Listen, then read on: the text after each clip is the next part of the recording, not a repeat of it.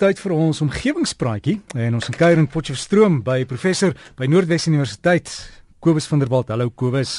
Môre Derek, môre al ons omgewingsvriende. Ek het so 3 weke gelede gepraat, uh gesels oor hoe om van ou medisyne ontslae te raak. En ek was redelik beïndruk want uh, daar was toe van die apteke wat uh, gesê het van die groot ketting apteke wat gesê het hulle sal dit aanvaar. Ehm um, en ek het uh, was toe nou heeltemal beïndruk met die mense uh, dat hulle hulle burgerlike plig so mooi nakom. Maar intussen het 'n uh, regsgeleerde afgetrede regsgeleerde 'n uh, oud kollega van my hier professor Nick Grobler uh, wat deesdae aan Jeffreys Bay is het vir my geskryf en my daarop gewys dat die wet eintlik deesdae aan die verbruiker se kant is en ook wat afvalstowwe betref. En die wet waarna hier verwys word is spesifiek die wet op verbruikersbeskerming, wet 68 van 2008 wat eers op 1 April 2011 in werking getree het. Nou die wetgewing eh, was aanvanklik slegs in Engels en in Zulu gepubliseer, maar die Vereniging van Regslui vir Afrikaans het die wet toe vertaal in Afrikaans en um, ek het toe nou die vertaalde weergawe in die hande gekry. Nou in die wet is daar 'n gedeelte wat spesifiek handel oor die berging van en die veilige beskikking oor aangewese produkte of komponente. En die term aangewese komponente of produkte verwys dan na enigiets waaroor daar in enige wet gepraat word. Met ander woorde enigiets wat gevaarhoudend is en wat nie in die gewone munisipale afval weggegooi kan word nie. Uh nou bepaal die wet dat enige iemand wat in die en dis nou regstaal hierdie so verskoon as ek nou maar uh die ek lees die wet net soos wat ek dit nou gekry het. Enige iemand wat in die gewone loop van sake goedere van daardie aard aan verbruikers verskaf, die teruggawe van sodanige goedere, komponente, oorblyfsels, houers of verpakking sonder koste vir die verbruiker moet aanvaar, ongeag of daardie persoon die bepaalde voorwerp aan die bepaalde verbruiker verskaf het of nie. En ook dat enige iemand wat in die normale loop van sake sodanige goede produseer, goedere produseer, invoer of versprei as deel van die verskaffingsketting waardeur daardie goedere die verbruiker bereik of sy beheer die teruggawe van sodanige goedere, komponente, oorblyfsels, houers of verpakking moet aanvaar. Nou, dit beteken dat winkelgroepe of hardewarewinkels of elektroniese verskaffers of apteke of motoronderdele verskaffers enige winkel deur die wet verplig word om die nodige afvalhouers beskikbaar te hê en hulle mag nie weier om verouderde rekenaars of buislampe of verfblikke, ou medisyne, leë gifhouers, leë olieblikke of enige stof wat deur die wet gereguleer word terug te neem nie.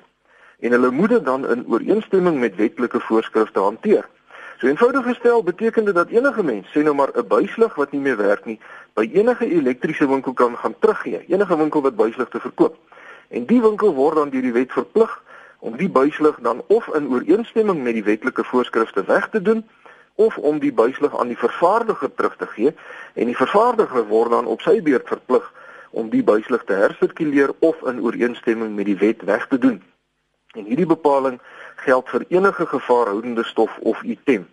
En daar's ook stewige boetes in die wet. So winkels of vervaardigers wat nie sulke goed wil terugvat nie, um, of dink dat hulle die goed nou sommer iewers in die veld kan gaan weggooi, moet liewers miskien maar weer dink daaroor want hulle kan dalk net in groot moeilikheid beland.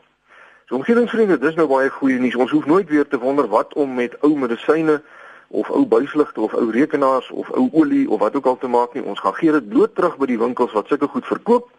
En as die winkels dit dan nou nie wil aanvaar nie, het ons die volste reg om in terme van die wet op verbruikersbeskerming 'n klag te lê. Ehm um, baie dankie. Professor Nick Grobler, uh, wat 'n uh, oud kollega, afgetrede kollega is wat my hieroor ingelig het. En dan omgewingsvriende iets heeltemal anders. En dit gaan oor die Bridgestone Wêreld Sonkar uitdaging wat volgende week in Australië plaasvind. Nou spanne vertrek uit Darwin in die noorde van Australië en ry dan regsuit vir 'n volle 3000 km. Dwars deur die die, die sogenaamde Outback soos die Australiërs dit noem tot in Adelaide. Nou hierdie uitdaging vind al die afgelope 28 jaar plaas, maar dis die heel eerste keer dat spanne uit Afrika deelneem aan die kompetisie en die twee spanne wat gaan deelneem is eerstens 'n span van ons eie Noordwes Universiteit hier in Potchefstroom en dan het die Universiteit van KwaZulu-Natal ook 'n span ingeskryf. Nou daar's drie klasse waarin spanne kan deelneem. Eerstens die sogenaamde cruiser klas en hierdie sonkarre het vier wiele en hulle moet 'n passasier kan vervoer. maar hulle mag nou oornag by 'n kragprop ook ingeprop word om die batterye te te laai. Die tweede klas is die Adventure klas en hierdie karre het net 3 wiele en slegs 'n bestuurder en die derde klas staan bekend as die Challenger klas. En dis in hierdie klas waar beide die Suid-Afrikaanse spanne deelneem. En 'n Challenger sonkar mag 4 wiele hê, maar hy het nou nie 'n passasier nie, hy het net 'n bestuurder en hy word deur 'n maksimum van 6 vierkante meter se sonpanele aangedryf. Nou altesaam is daar 47 spanne wat uit 25 lande afkomstig is in hierdie kompetisie. Maar die klas waarin ons spanne nou deelneem is by verre die mees kompeterende klas, want 'n volle 30 spanne kompeteer teen ons en dit sluit gesaghebende mense nou in swaargewigte soos die vyfmalige wêreldkampioene Neon wat van die Delft Universiteit van Tegnologie in die Nederland uh, Nederlande afkomstig is.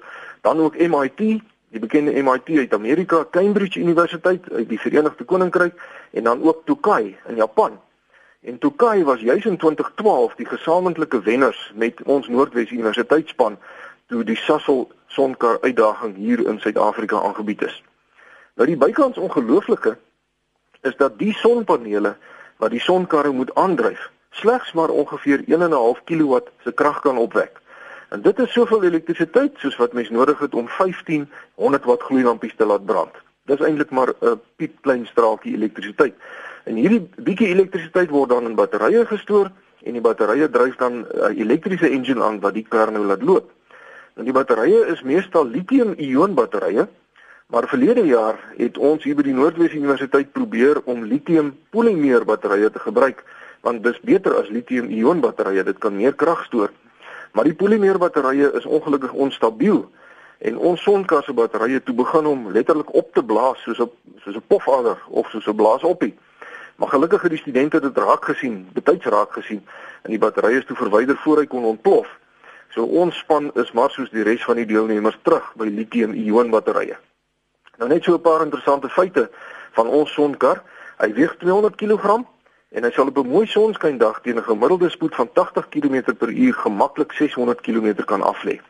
Nou uiteraard, as mens nou vinniger ry, dan kan jy nie so ver ry nie soos met enige petrol of diesel voertuig. So dis moontlik vir 'n sonkar om die afstand na Adelaide in net 5 dae af te lê en reeds donderdagmiddag daar nou aan te kom. Maar die huidige rekord vir 'n Suid-Afrikaanse span vir die langste afstand op 'n enkele dag is maar 416 km. En net om vir jaar so kompetisie te kan voltooi, sal die karretjies elke dag heelwat verder as 416 km moet ry. So die die rekords gaan in alle geval spat. Maar gelukkig is die roete in Australië nou baie platter as wat die roete hier in Suid-Afrika was. So dis heeltemal moontlik dat ons spanne baie goed kan doen. Nou die Noordwes Universiteit se sonkar het uh, al omtrent 130 km behaal by die Swartkop se renbaan in Centurion. Maar teen so 'n spoed is die kragverbruik nou te hoog. So die span probeer om so 'n gemiddelde spoed van 80 km/h te handhaaf en dan ry die spanne elke dag uh, net tot 5:00 die middag en dan kamp hulle net daar langs die pad in die sogenaamde Outback in Australië. Ehm um, en die volgende oggend om 8:00 mag die spanne dan nou weer vertrek. Nou omgewingsvriende, uit die aard van die saak is my lojaliteit by die Noordwes Universiteit se span Maar ek wil graag vir die span van KwaZulu-Natal ook alle voorspoed toewens en ek wens dit gaan goed met hulle in hierdie kompetisie. Wat 'n avontuur en wat 'n wonderlike geleentheid vir ons studente wat hier gebied word. En Corneel Skabord van ons fakulteit ingenieurswese uh, sal uh, DV elke dag volgende week op RSG 'n kort verslaggie gee oor hoe dit met ons spanne gaan daar in Australië. En daarmee sluit ek af vanoggend. Kontak my gerus, my uh, e-posadres is kobus.vanderwalt@nwu.ac.za of u kan op die internet maar net soek na die Facebook bladsy van Omgewingspraatjies. Vriendelike groete tot 'n volgende keer. Baie dankie Kobus, vriendelike groete vir jou ook en uh, dit is die Facebook bladsy dan Omgewingspraatjies die meervoud. Gaan soek hom hou van die groep en dan kan jy die inligting kry. Anders kobus.vanderwalt by nwu.ac.za